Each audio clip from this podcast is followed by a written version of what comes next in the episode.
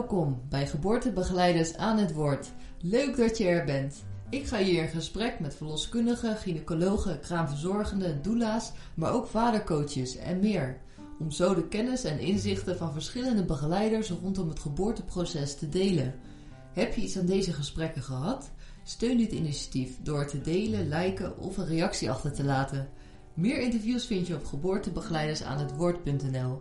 Ik ben Sabine van Onselen, jouw host tijdens de interviews.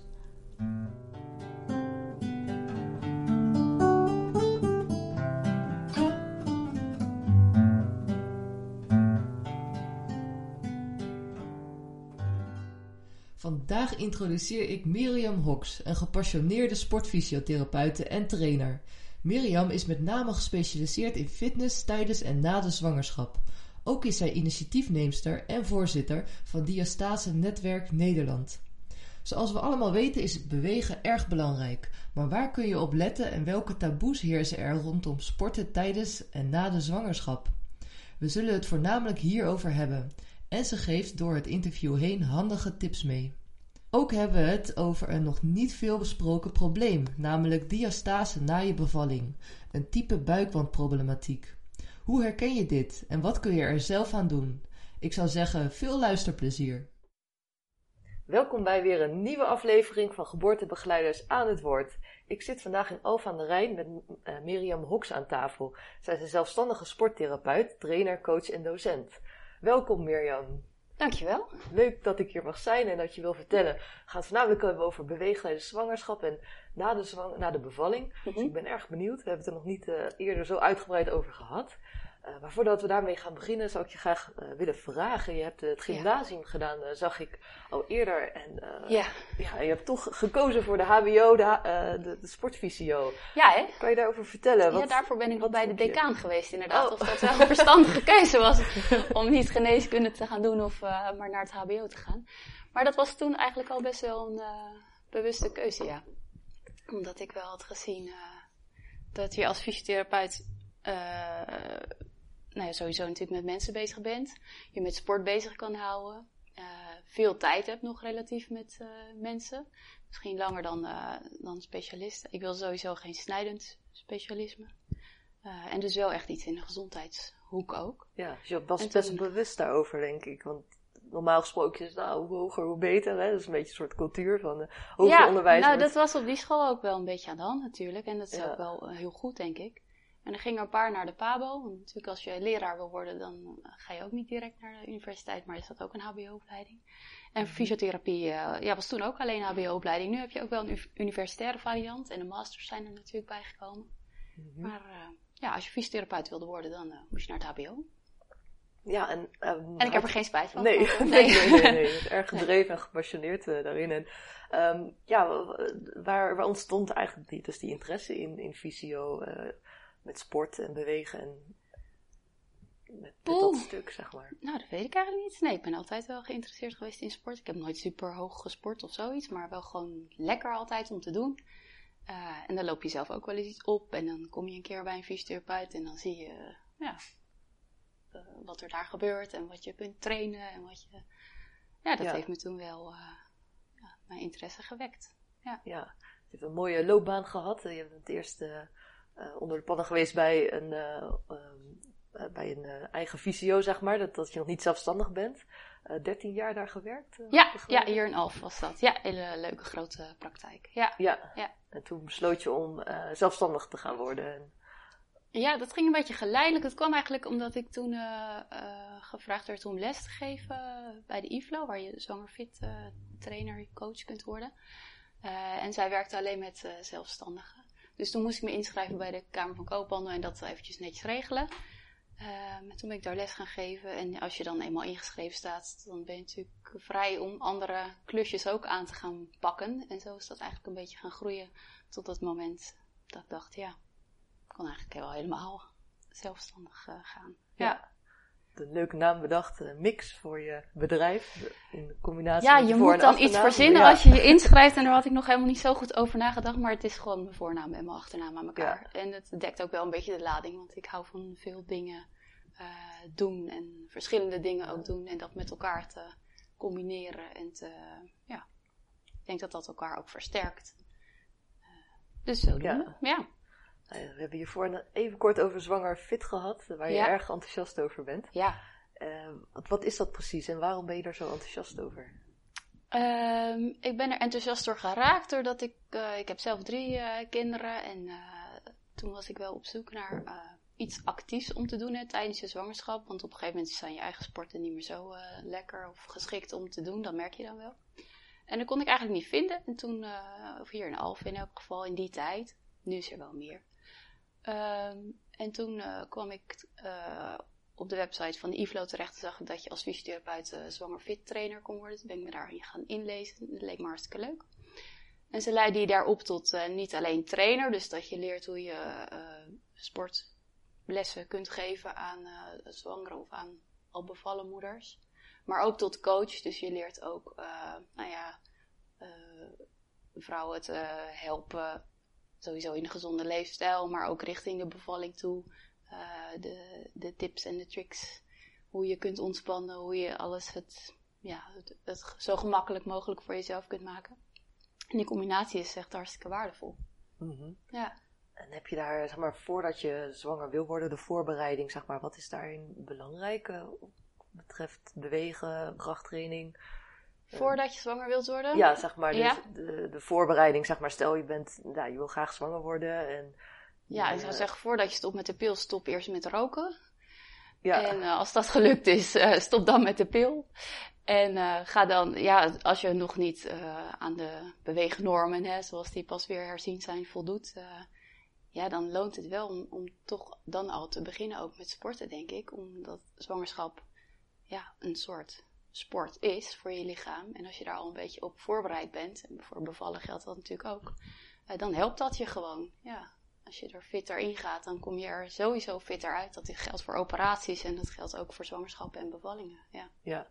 En ehm, ik hoorde namelijk dat als je heel veel zijn buikspieren traint, dat dat eigenlijk niet echt optimaal is voordat je, zeg maar, zwanger wordt. Ja, Is dat... nou daar ben ik het niet helemaal mee eens hoor. Nee, dat, met die buikspieren, dat, eh, daar kun je misschien wel iets op sturen, maar niet alles. Nee, er zijn vrouwen met hele strakke buikspieren eh, die daar heel veel plezier van hebben. En ook als je pech hebt, heb je er minder plezier van. Dat geldt ook voor bekkenbodems. En ja, Ja. Je, je sportverleden kan wel aanleiding geven misschien tot bepaalde klachten. Maar ik denk altijd dat als je geen sportverleden hebt, dat dat nog aanleiding geeft tot veel meer Ja, klachten. Ja. ja, inderdaad. Dus de algehele fitheid dan eh, in feite. Dus dat Ja. je beter kan hebben inderdaad dan Ja, helemaal niks. Dat is belangrijker dan niks, ja. ja. En er is geen bewijs dat, dat hele strakke buikspieren leiden tot meer problemen met de buikspieren. Of nee, het kan ook meer leiden, leiden tot meer stevigheid in je romp, waardoor je eh, hè, misschien eh, het juist makkelijker kunt eh, weerstaan. Het veranderen van je zwaartepunt en, en het groeien van je buik. Ja. Mhm. Ja. En behoorlijk intensief pro- eh, project, hè? Als, je met, eh, als vrouwen zich aanmelden en ze zijn net zwanger. eh, begreep ik Ja. inderdaad van eh, zowel tijdens de zwangerschap als daarna. ja. Zeg maar tijdens de zwangerschap, wat, wat vind jij vooral belangrijk tijdens bewegen? Wanneer is het goed om juist wel in te spannen, wanneer juist te ontspannen, zeg maar? En, Mhm. dat is soms nog wat, wat vaagheid over. Van Ja. Wat kan je inderdaad doen? Wat is veilig daarin? En, Ja, sporten tijdens de zwangerschap en dus ook al daarvoor, hè, want zwangerfit kun je gaan doen vanaf dat je nou ja, goede termijn echo hebt of zeg maar drie maanden zwangerschap hebt, dat het risico op miskramen een beetje verkleind is. Niet dat je door sporten miskraam krijgt, maar sporten bij zwangerfit doe je in een groep. En het is gewoon best heel moeilijk in een groep als daar ja, problemen en eh, ja, miskraam Ja. ook optreden, dat is heel zwaar voor, een, eh, voor zo'n groep ook. Eh, dus als je die kans, hè, na drie maanden is dat echt wel een stuk kleiner dan bijvoorbeeld na eh, vijf of zes weken.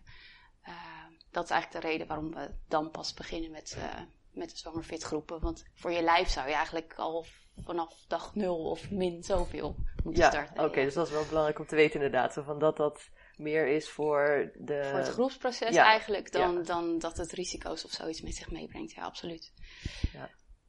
Ehm, en wat was je vraag? de, zeg maar vanaf eh, dat, je, dat een vrouw zich aanmeldt. Ja, wat je hè? kan doen. Ja, wat, tuurlijk, Wat ja. dan belangrijk? Ehm, eh, conditie is een ding, dus je, je uithoudingsvermogen, gewoon je hart-long systeem. Eh, dat kun je trainen door te fietsen of te lopen of te roeien of te, op de crosstrainer te staan, te zwemmen. En het is mooi als je dat. eh, je hartslag is niet meer zo echt een betrouwbare graadmeter als je zwanger bent. Je hartslag is sowieso al hoger doordat je nou ja, iets anders eh, werkt van binnen. Doordat je een liter extra bloed bijvoorbeeld eh, rondpompt. Dus het is mooi als je voor jezelf kunt aanhouden dat je er nog bij kunt praten. Je mag het wel warm krijgen, je mag ook zweten, je mag hijgen, maar als je nog hele zinnen kunt spreken, dat is belangrijk. En als je dat uitdrukt op een schaaltje, je hebt in de, in de fysiotherapie gebruiken we vaak borgschaaltjes. Dat een schaal van 6 tot 20 loopt dat qua inspanningsniveau. En dan zou je ergens op 13, 14 moeten zitten. En dat voelt dan als redelijk zwaar tot zwaar. Mhm. Of misschien als je het in een rapportcijfer zou geven, als 0 niks is en 10 eh, dodelijk vermoeiend, dan zit je ongeveer op een zeventje. Dat is, dat is prima. Ja. Dat is goed voor je kind, dat is goed voor jezelf. Eh, daarbij kun je er nog op letten dat je goed drinkt, dat je het niet te warm krijgt. Hoe vaak eh, in de week bijvoorbeeld? eh? Nou ja, zwangeren zijn eigenlijk net gewone mensen. Dus als je. Ja. eh, Ja, ja, ja, toch wel. Eh, gewoon, ja, de richtlijn, de recente richtlijn, zeg maar drie tot vijf keer in de week bewegen voor zwangeren. Maar volgens mij kunnen we net zo goed de Nederlandse norm gezond bewegen aanhouden met z'n allen. En dat is gewoon prima, ja. Mhm. Ja, maar drie keer in de week denk ik is, is wel echt heel mooi als je dat kunt eh, bereiken. Met dus eh, conditie, wat ik net eh, uitlegde. En ook een beetje krachttraining. Ja, dus dat gaat meer over je spierkracht en je spieruithoudingsvermogen. Dus dat kun je met gewichtjes doen of met elastieken of nou ja, een beetje weerstand erbij. Ja, en ook dat moet eigenlijk aanvoelen als een zeventje. Mhm. Ja. En wat moet je liever niet doen? liever niet doen. Hele zware dingen. En heel zwaar is het. Ja, dat verschilt natuurlijk per vrouw, hè, wat zwaar is. Als je al heel sterk bent van tevoren, dan kun je gewoon meer hebben dan wanneer je geen, niks gewend bent nog. Mhm. Ehm, maar heel zwaar is het in elk geval dat je niet meer goed kunt doorademen als je bijvoorbeeld een krachtoefening doet. Hè, Mhm. dat je adem moet vasthouden, dat je buikdruk en bekkenbodemdruk daarbij maakt. Ehm, dat vooral voor de kracht. Eh, en voor het uithoudingsvermogen, dus ja, niet te intensief, niet eh, richting die eh 8, 9, 10, dat is niet nodig. Nee. Nee, nee. En, nou ja, het duurt natuurlijk ongeveer vanaf zes maanden dan melden vrouwen zich aan. Zitten Ja, in, eerder wel hoor. Ja, Of- drie of- maanden al wel. Ja, ja. ja. de eerste drie maanden dan niet. Hè? Dus, dus toch de, zeg maar, ja, welke fases kan je best welke training doen bijvoorbeeld? Als je in, in je 35ste week zit bijvoorbeeld, of Ja. wanneer je in je 20ste week zit. Ja, Eh, dat is zit zo verschillend per vrouw. Ook, bijvoorbeeld ook hardlopen is ook altijd zo'n dingetje. Ja, kun je nog hardlopen? Ja, als je gewend bent altijd was om, te om hard te lopen. Ja, dan, dan kun je daar natuurlijk mee doorgaan. Als je aan die spelregels houdt. Hè, van eh, nog een beetje kunnen praten erbij. Niet zo zwaar dan zeven. Ehm, eh, dan is dat geen punt. En sommige vrouwen lopen dan... Had laatst iemand die liep nog met 38 weken. En dan kijk ik daar echt met een heel scherp oog naar. Ziet het er nog goed uit? Heeft ze nog goede houding? Eh, eh, maar ja, het ziet er goed uit. Ze had nul klachten daarvan. Ja, waarom moet je dan zo iemand stoppen? Het is heel moeilijk om te zeggen tot dan, terwijl, tot die week dat en tot die week dat. Het is heel belangrijk Ja. om, denk ik, als professional te kijken naar jouw eh, klant, cliënt of patiënt. en daarop het bewegen af te stemmen. Ja. Dus in principe kan je altijd blijven bewegen, altijd blijven sporten. Er is niet een periode, Ja. zeg maar, in de, tijdens de zwangerschap, hè, dat, dat dat goed is en eigenlijk niet af te raden is. Dat, Nee, dat is er niet. Nee, Nee. nee. er zijn natuurlijk wel bepaalde sporten af te raden. En die lijstjes die vind je ook overal wel. Ja, duiken, eh, dingen met valrisico, eh Ja. soort dingen. logisch. eh, Ja. ja. als je zwanger bent beweeg je wat onhandiger. Dat komt door hormonen. Dat, dat nou ja, dingen wat trager en wat losser zijn. Dus eh, sporten waarbij je heel snel van richting verandert. eh, dat, dat worden wat risicovollere dingen. Niet per se voor de baby, maar meer voordat je jezelf sneller verstapt of zoiets. Mhm. Ehm, ja, maar al- als je het over zwangerfit bijvoorbeeld hebt, wat meer een soort eh, fitness is en waarin ook wel eh, lessen op muziek worden gegeven door collega's, niet door mij, want daar ben ik heel slecht in. Eh, maar dat kun je gewoon ja. ja, blijven doen, ja, tot het eind, tot Mhm. 41, 42 weken, ja, gebeurt. Ja. Ja, En, en dan pas je het aan, de belasting aan op de belastbaarheid. Dat is, dat is het hele kunstje.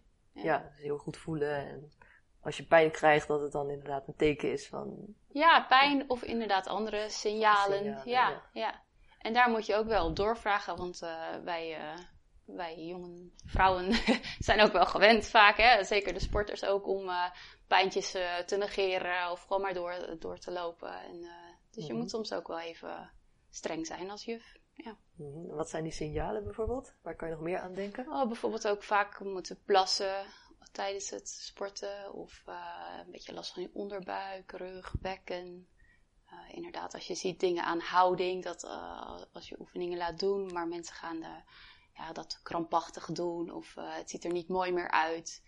dan hoeft het niet per se pijn te doen, maar je moet wel met je trainersoog of fysiotherapeutenoog hè, dan zien dat het toch te zwaar is voor iemand. En iemand daar ook op, op affluiten. Ja, ja, ja. Even soms in de, in de maatschappij waar je door blijft gaan en niet uh, zozeer Ja. uh, denkt van, oh, het, uh, dit Ik- is mijn grens. Het is vaker eh, aan de hand en ook moeilijker om mensen af te remmen dan mensen te motiveren Ah. of te stimuleren. Ja, vind ik. Welke aannames of dogma's bestaan er rondom sporten tijdens de zwangerschap waarvan je zegt, ja, dat hoor je vaak, maar ik, ja, dat ligt anders of dat klopt niet meer, zeg maar. Die achterhaald zijn of... Ehm, ja, de, de, de buikspierding is er natuurlijk. Dat, eh, daar, daar worden heel veel eh, verhalen, ook spookverhalen en eh, dingen over verteld. Misschien komen we daar later nog wel verder op hoor. Maar ehm, ja, dat je Mhm. vanaf week X geen buikspieroefeningen moet doen. Maar je hebt zoveel buikspieren en welke buikspieren dan wel, welke niet, op welke manier dan. Er zijn duizend en één manieren waarop je buikspieroefeningen kunt doen. En de oldschool buikspieroefeningen, de sit-ups, die zou ik gewoon vanaf dag 1 al niet meer doen. Waarom zou je het doen? Hè? Ja, je buik gaat groeien. Het, Mhm. ja, en je loopt inderdaad het risico als je heel veel met je buikspieren eh, doet in die richting. ehm, dat je een diastase krijgt, hè? dat de lijn van je sixpack, zeg maar, die verticale lijn, eh, meer wijkt dan die eigenlijk kan.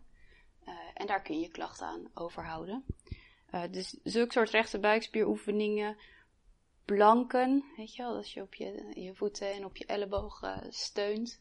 Ehm, ja, dat kunnen sommige vrouwen dus heel goed. En, en die kunnen dat ook een tijdje nog blijven doen. En andere, eh, ja, die hebben niet zoveel stabiliteit of uh, kracht, uithoudingsvermogen daar zo. En die, die kunnen dat beter laten. En ik denk ook dat je dat dus weer per individu moet bekijken. Mhm. Um, maar over buikspieren wordt veel, uh, nou ja, is er veel gerommel. Uh, over de bekkenbodem denk ik ook. Daar hebben we nog niet echt over gehad, maar de bekkenbodem wordt natuurlijk zwaarder belast in de zwangerschap. Doordat het kindje erop rust, ook doordat er hormonaal veranderingen zijn. Um, die bekkenbodem die kun je trainen. Het is gewoon een spier, dus die kun je trainen. Um, aanspannen is belangrijk, maar ontspannen, juist bij deze drukke actieve vrouwen, is ook heel belangrijk. En dat komt je ook van pas tijdens het bevallen. Mhm. Um, dus wat je moet doen met die bekkenbodem, en dat is denk ik ook een, uh, een punt van uh, aandacht. Um, ja. Hoe ontspan je bijvoorbeeld de bekkenbodem? De aanspanning kan wat bij voorstellen, maar stel hij is veel aangespannen door ja, bepaalde stress of andere oorzaken, zeg maar. Uh, nou, of... dan zou je kunnen kijken of je die in elk geval kunt aanpakken. Dat komt je sowieso van pas waarschijnlijk. Mm, en specifiek mm -hmm. voor die spier ontspant hij vaak als je je benen wat opent. Als je naar je, dus bijvoorbeeld op je rug liggen met je benen. Uh, zo je voeten tegen elkaar en je knieën naar buiten laten vallen. Uh, en dan ademen naar je buik toe. We zijn ook vaak geneigd om best wel hoog te ademen, waardoor je ook hè, je bekkenbodem en je ademhaling, uh, dat zit ook echt aan elkaar gekoppeld. Dus je zou wat meer gebruik kunnen maken van ontspanningstechnieken via je ademhaling. Mm, want we hebben net over inspanning best wel veel gehad, maar ontspanning mm -hmm. is natuurlijk ook belangrijk. En je kunt ontspannen door inspannen. Hè? Uh, als, je, als ik ga hardlopen in de polder, dan ontspan ik daar echt van. Uh, maar je kunt ook uh, ja, ontspannen op een, nog een 2.0, zeg maar. Meer liggend en meer rust nemen. Ja, ja, ja dus door, nog wel door een bepaalde oefening te doen en vooral met ademhaling te werken dan, wat je zei, van, ja. om dat te kunnen ontspannen. Ja, ja, ja. En de, de bekkenfysiotherapeuten, want je kan na je fysiotherapie verschillende masters kiezen. Mm -hmm. uh, en die dames zou ik zeggen, maar het zijn meestal dames, die uh, hebben nog drie jaar doorgeleerd helemaal op dat gebiedje. En die zijn ook echt de expert op het gebied van aanspannen, ontspannen. Uh, ja, wat is nodig? Want je kunt bijvoorbeeld urineverlies hebben dat komt heel vaak voor, hè, voor tijdens de zwangerschap, maar ook heel vaak daarna. Uh, en het is zaak om te kijken waardoor dat dan komt. Komt dat doordat die bekkenbodem te veel aangespannen is en daardoor misschien moe, dat hij het niet kan houden? Of is hij te slap? En dat bepaalt natuurlijk alles voor je training. Als je urineverlies hebt door een te gespannen bekkenbodem, dan moet je trainen op ontspanning. En als je, als je aanneemt dat het komt doordat hij waarschijnlijk te slap is en je gaat nog meer op aanspanning oefenen, dan vergroot je misschien het probleem. Mhm. Dus als ik dat bemerk, dan verwijs ik ook altijd door naar een betreffende collega. Mm samenwerken is super belangrijk. Ehm, en als het probleem duidelijk is, dan mogen ze op zich wel weer bij mij terugkomen trainen en dan, uh, dan komen we er wel uit. Maar zij mogen ook mhm. inwendig onderzoeken en ze hebben gewoon veel meer kijk op. Dus, uh, ja, het is enorm belangrijk dat uh, die spiergroep, zeg maar, de, de bekkenbodem, maar inderdaad. Dus, en, en wat betreft de buikspieren, dus dan zeg je de rechte buikspieren, dat vul ik nu even in, dat uh, die dus liever niet, zeg maar, aanspannen. Uh, maar de andere buikspieren... Ja, je buikspieren zijn natuurlijk gewoon houdingsspieren. We gaan dat trainen op onze rug, maar eigenlijk de enige keer dat je je buikspieren op je rug gebruikt is als je s uit je bed komt. Ja. Oh, en verder zijn ze gewoon actief de hele dag. al je soorten buikspieren, je diepe, je twee soorten schuine, je rechte, als houdingsspieren. En als tegenwicht van je rugspieren. Ja. Ze zorgen dat je uh, daar in balans bent. Um, en als ademhalingsspieren ook. Um, dus ik weet niet of het, uh, ja, buikspieroefeningen worden denk ik een beetje overschat in dat opzicht, ja. ja. We willen dat heel graag doen en we willen allemaal heel graag een strakke buik hebben. Uh, maar functie is denk ik veel belangrijker. dat ja. je, ja zo goed kunt gebruiken om je andere kind te tillen. Of, uh, Meer flexibiliteit dan ook. Uh, ja, flexibiliteit, stabiliteit. Uh, ja, op het juiste moment kunnen aanspannen, op het juiste moment ook weer kunnen loslaten. Mm -hmm. Nou, als we het toch over de buikspieren hebben, dan kunnen we een, een sprongetje maken naar diastase, waar je het net ook al even over hebt gehad. Met de initiatiefneemster en voorzitter van Diastase Netwerk Nederland. 2016 uh, eh, las ik. Ja, het is nog een hele jonge baby. ja, maar je vindt het ontzettend uh, belangrijk omdat daar meer aandacht naar, naar ja, op ja, komt, ja, zeg maar. ja. Naarmate ik meer zo, zwangere bevallen vrouwen ging zien in mijn werk, mm, kwam ik erachter dat, dat, ja, dat ik daar eigenlijk helemaal zelf niet zoveel van wist. En ik twijfelde of dat dan aan mezelf lag of dat het misschien ja, niet zo goed op gelet werd. En of dat dan erg was, was natuurlijk ook nog een punt. Uh, dus daar ben ik me in gaan inlezen. En ik ben denk ik tot de conclusie gekomen dat er inderdaad gewoon een beetje weinig aandacht voor is. Uh, en dat dat wel nodig is, ja.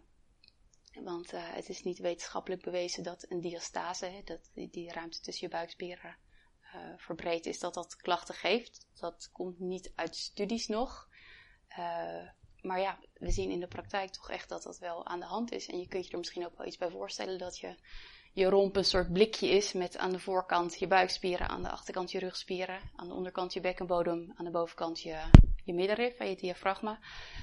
Um, en als daar ergens aan, aan een kant iets open is, en open is natuurlijk uh, wel heel, ja. ja. je moet altijd uitkijken met beeldspraak, er ruimte is, ja. Um, ja, dat dat consequenties heeft voor voor bijvoorbeeld inderdaad dan je rug of voor je bekkenbodem of voor de manier waarop je ademhaalt, uh, voor je, de werking van je darmen. Uh, en zulke soort klachten zie ik gewoon hartstikke vaak. En voor de cosmetiek, uh, wat toch ook ja, wel een punt is. Dat als er heel weinig tegendruk is aan de voorkant van je buik, dat het soms lijkt alsof je nog zwanger bent. Terwijl je ja, dat helemaal niet meer bent. Ja, ik begreep inderdaad dat het 40% van de vrouwen geldt na zes maanden dat zij, nog, dat zij diastase hebben. Dus die mhm. ruimte van 2 tot 3 centimeter in de, ja, in, in de buikspieren, de, de rechte buikspieren. En, dus dat is behoorlijk veel, zeg maar. Dat, dat, dat ja, is niet het is normaal, ook natuurlijk, toch? Of, in principe is diastase heel normaal. Het is uh, fysiologisch, hè. Je buik, ja, die, die, dat stuk buik moet natuurlijk meerekken, anders kan een kindje nooit uh, de ruimte krijgen om te groeien. Um, en daarna hoop je dat het weer terugveert. En in principe kan een lichaam dat ook regelen. Maar het is inderdaad opvallend dat bij best wel een behoorlijke groep dat niet terugveert. En soms is dat dus helemaal geen probleem. Uh, en soms wel. En hoe dat precies komt, dat weten we ook niet. dat er nog niet genoeg onderzoek uh, naar is gedaan. Ja, en het zou heel mooi zijn als er inderdaad meer onderzoek komt. En daarom ben ik samen met een collega-docent uh, bij de IFLO, Ellen Aalpoel, een netwerk gaan starten.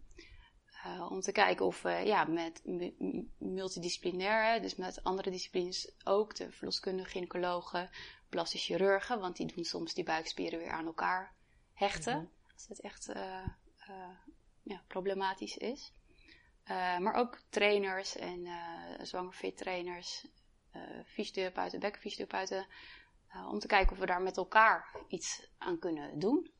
Ja. Dat er meer aandacht voor is, dat er meer onderzoek naar komt. en dat vrouwen die klachten ervaren van een diastase, want nogmaals, dat hoeft helemaal niet. Zoals, um, wat voor klachten ja, dus aan, nou, lage rugklachten, bekkenklachten, ja, vaak door een gebrek dus aan stabiliteit, dus de samenwerking van, de, van alle romspieren. Uh, obstipatieklachten ook wel. Uh, het, het uh, aangezicht dat het lijkt of je zwanger bent, soms echt vijf, zes maanden zwanger kan het eruit zien. Hè? Oh. ja, je moet maar misschien een keertje op de website diastase.info kijken. Ja, ik heb het bekeken, ja. Ja, ja dan zie je inderdaad ja, hoe dat eruit ziet. En je kunt een buikje hebben na je zwangerschap, hè, dat is heel gewoon ook. Mm -hmm. um, maar die, die diastaasbuik, het zijn echt klassieke bolletjes. Het is een ander beeld dan gewoon een buikje hebben, omdat er, ja, dat je nog wat vet kunt verliezen of zoiets. Mm -hmm. ja. Mhm. en, nou, ten eerste, hoe signaleer je dat? Daar is een oefening voor. En kan je die je kunt dat bij jezelf testen, ja. Dan kun je op je rug gaan liggen met je opgetrokken knieën, kort liggen. Uh, dan kruis je handen of handen voor je borst en dan til je je hoofd een klein stukje op. En dan voel je met je hand, uh, ja, eerst maar boven je navel, in het gleufje, zeg maar, waar je, die verticale lijn waar je je sixpack uh, zou verwachten. Ik heb het nooit gehad, maar daar, ja. Um, en als je daar ruimte voelt, dan, dan gaat het om de breedte. Dus als je daar ja, weet je, dit is een beetje ouderwets test hoor. Want we zijn er dus ook wel achter dat ook niet de breedte alles zegt. Ik zal zo nog iets meer over vertellen. Mhm. um, maar als je daar twee vingers in kunt leggen in de ruimte, dus in de, in de breedte, die twee vingers boven je navel, um, dan is dat een reden om ja, misschien iemand te vragen om er extra naar te kijken, laat ik het zo zeggen. Uh, en de diepte is ook van belang als je het heel zacht daarin voelt. Als je met je vingers erin duwt en je voelt, ja, je komt eigenlijk nergens op. Uh, dat is ook een teken dat je misschien kunt trainen om de boel daar sterker te krijgen. Mhm. En wanneer is het sprake van dat, dat het tijd is om iemand op te zoeken? Zeg maar naar hoeveel weken? Want het heeft natuurlijk ook tijd nodig om te herstellen na de zwangerschap. Ja, het heeft bevalling. Dus- zeker tijd nodig, ja. Ja, um, ik zou. Uh, het is moeilijk om te zeggen ook weer. Maar als het na een half jaar nog zo is, dan zou ik zeker aan de bel trekken. Maar soms ik, ik voel altijd als mijn meiden in de, na de zwangerschap weer terugkomen voor een eerste les, dan probeer ik altijd even erin te voelen. Um, in die diastase. En dan, uh, ja, dan, dan voel je soms nog inderdaad ruimte of twee vingers. Of, um, maar dan denk ik, nou, dit, dit komt wel goed. Maar soms voel je dan al dat het zo zacht is en zo week. Of dat je zo'n ja, uitbuiling, zeg maar, hebt. Dat kan ook, hè. Dat, dat het zo slap is dat je buikinhoud er echt uh, gaat duwen de, je darmen dan naar voren toe komen? Of? Uh, ja, ja, je buikinhoud. Ja, wat er precies is. Uh, ja. Gewoon, ja, wat... Uh, dus dat kun je ook trouwens zien als je op je rug ligt en je tilt je hoofd op, dat er een soort tuut of een soort ja, richel op je buik komt. Dat is ook een teken dat er, ja, dat er iets, iets te trainen valt, laat ik het zo zeggen. En ja. iets te onderzoeken ook eventjes door, door iemand anders. Ja. met echo kun je dat nog veel beter zien dat zou bijvoorbeeld een volgende stap zijn als je bij jezelf twijfelt. Dat je denkt, nou, ik laat iemand kijken of ik laat eventjes... Eh, heel veel fysiotherapeuten hebben tegenwoordig een echo. En als dat dus ook nog een fysiotherapeut is die uh, op de buikband uh, een, een, cursus heeft gedaan of zich heeft toegelegd. Dan kan die heel makkelijk zien hoe het eruit ziet. En, ja. ja. Dus je hoeft niet direct naar het ziekenhuis, gynaecoloog. Dat kan inderdaad eerst via paramedici. Ja, en, en die mogen geen medische diagnose stellen. Dus als ze ergens aan twijfelen, zullen ze je direct doorverwijzen naar een, uh, naar een arts. Ja, ja. huisarts meestal in eerste instantie.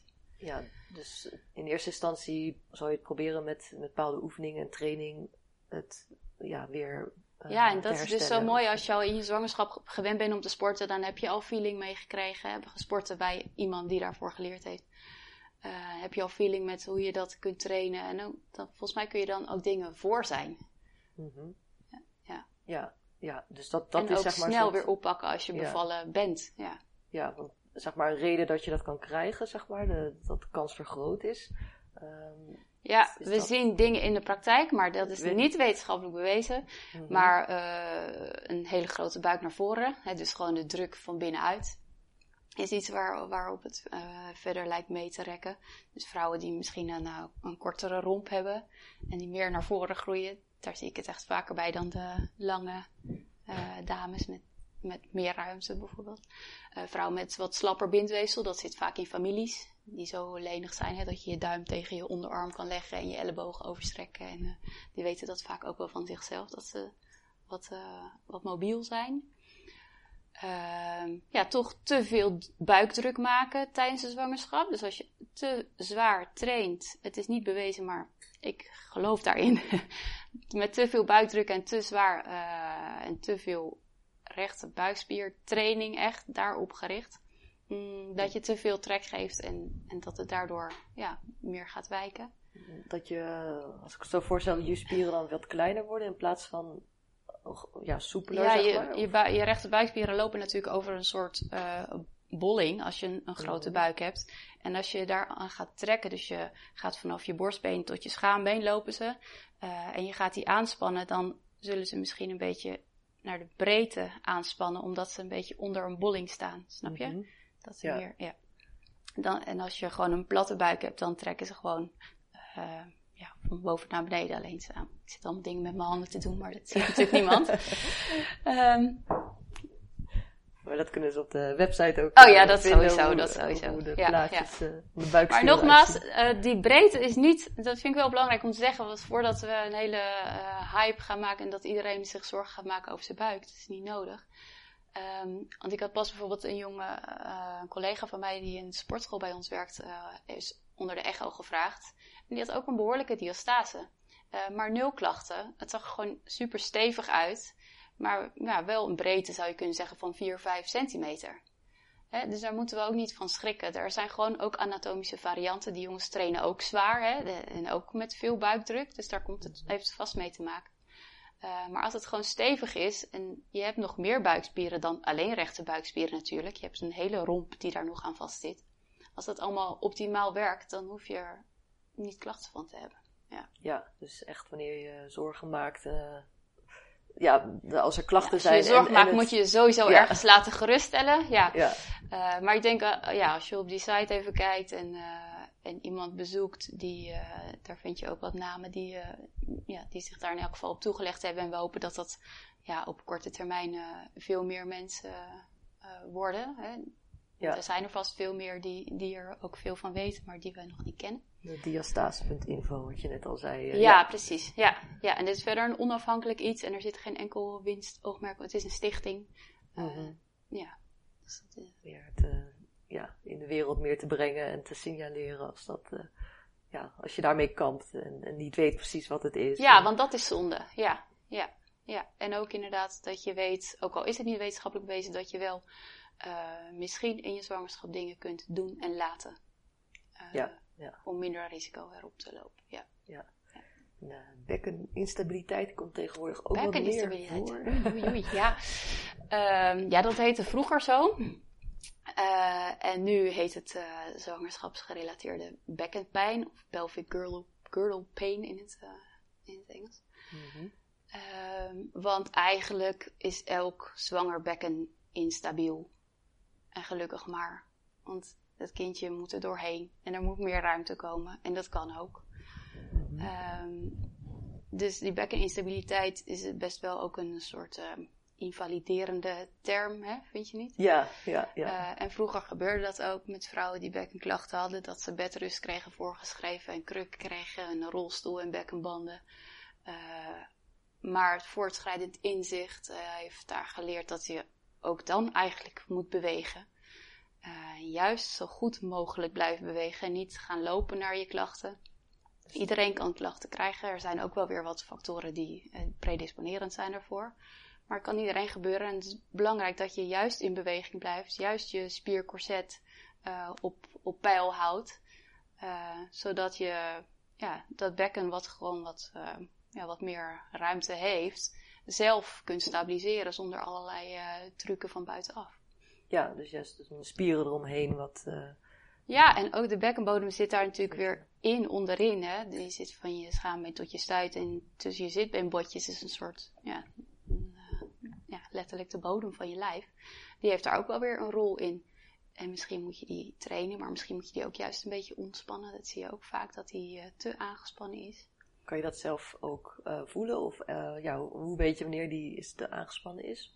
Ja, er zijn wel wat signalen hoor, maar ik zou dat echt door ja, iemand laten zei, bekijken. Ja. Um, maar misschien pijn in je onderbuik, pijn bij je stuit, het gevoel van algehele spanning. Ja. Inderdaad, blasproblemen. Ja, dat zijn wel wat signalen ja, ja.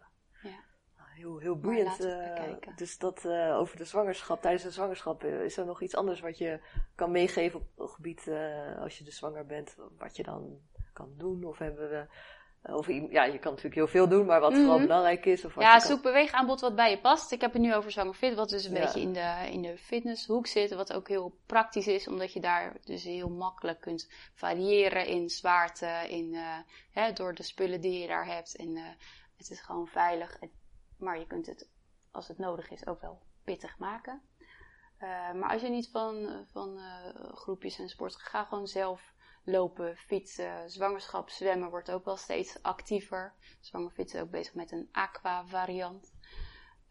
Um, uh, yoga is natuurlijk meer op ontspanning, maar het is ook, kan ook heel mooi zijn. En je hebt ook wel weer inspannender vormen van yoga.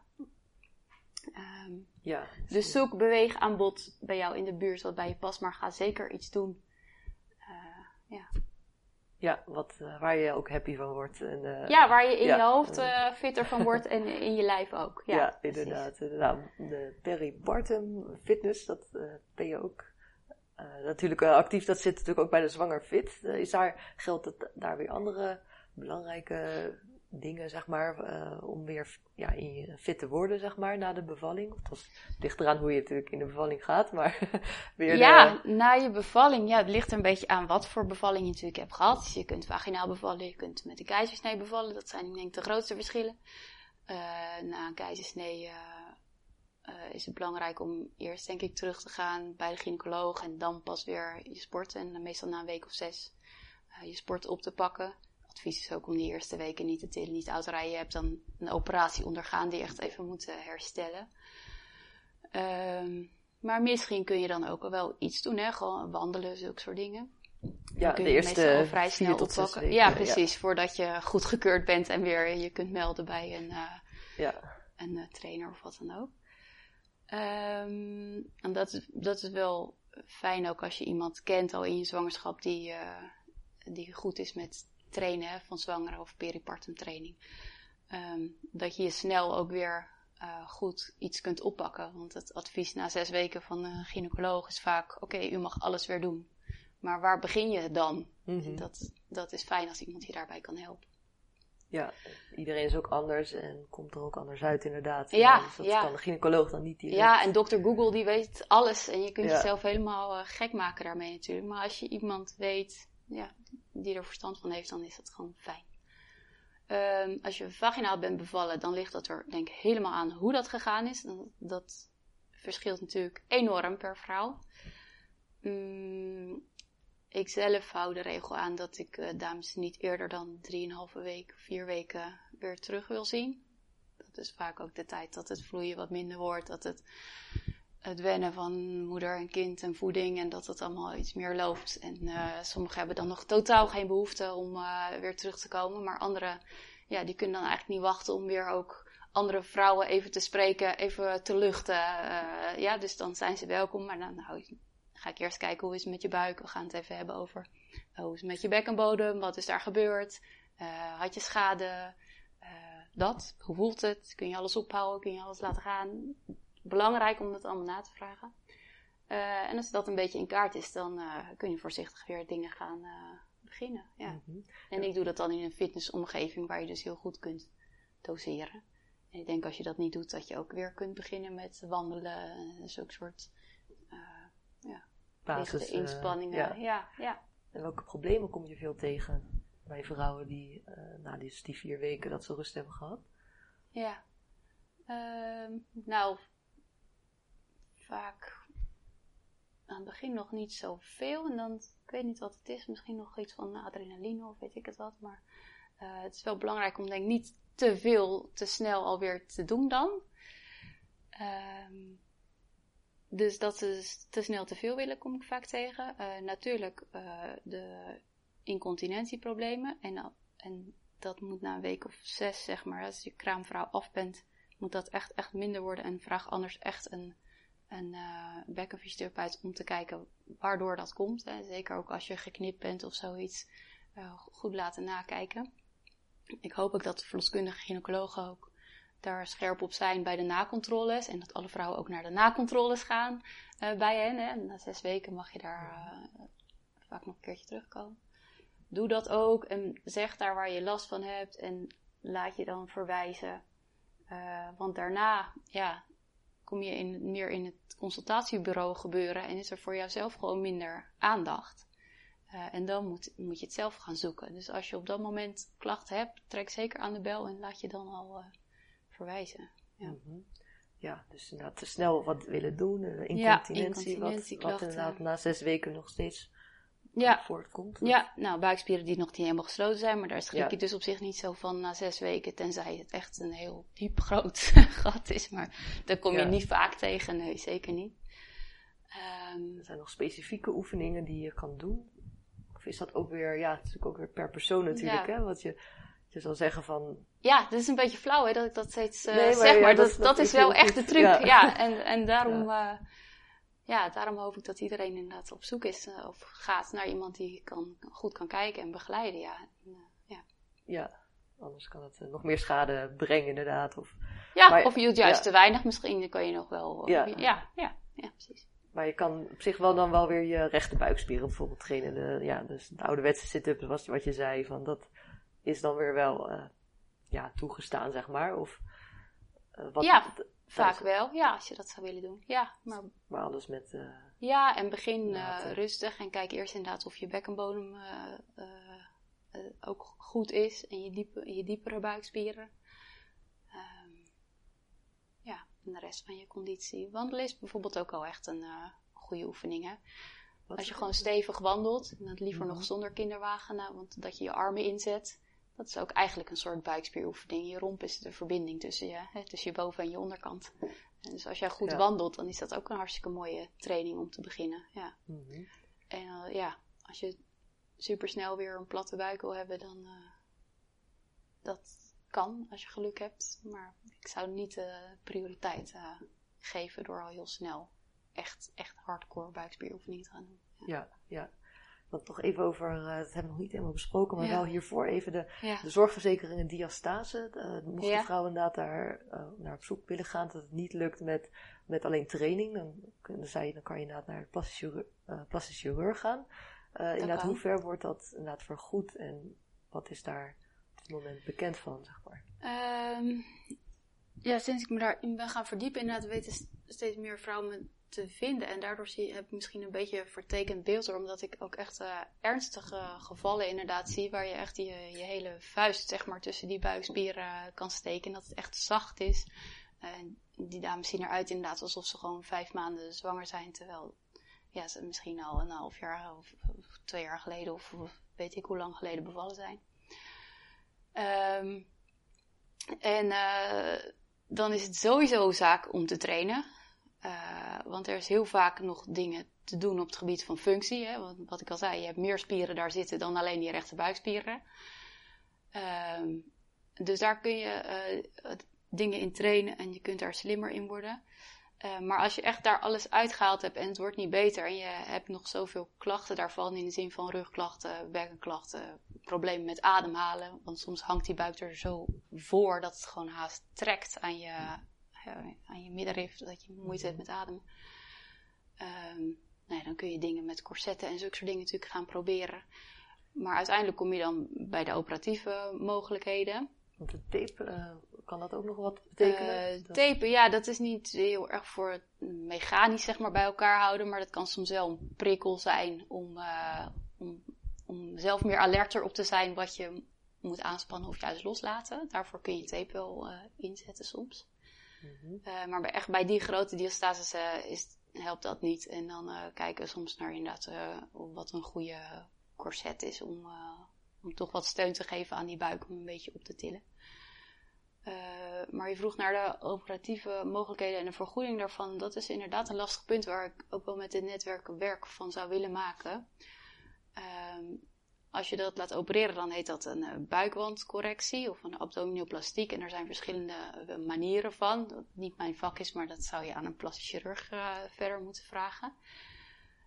Um, dat wordt vergoed vaak vanuit de verzekering na bij mensen die heel veel zijn afgevallen, bijvoorbeeld door een, een maagverkleining of zulke soort ingrepen.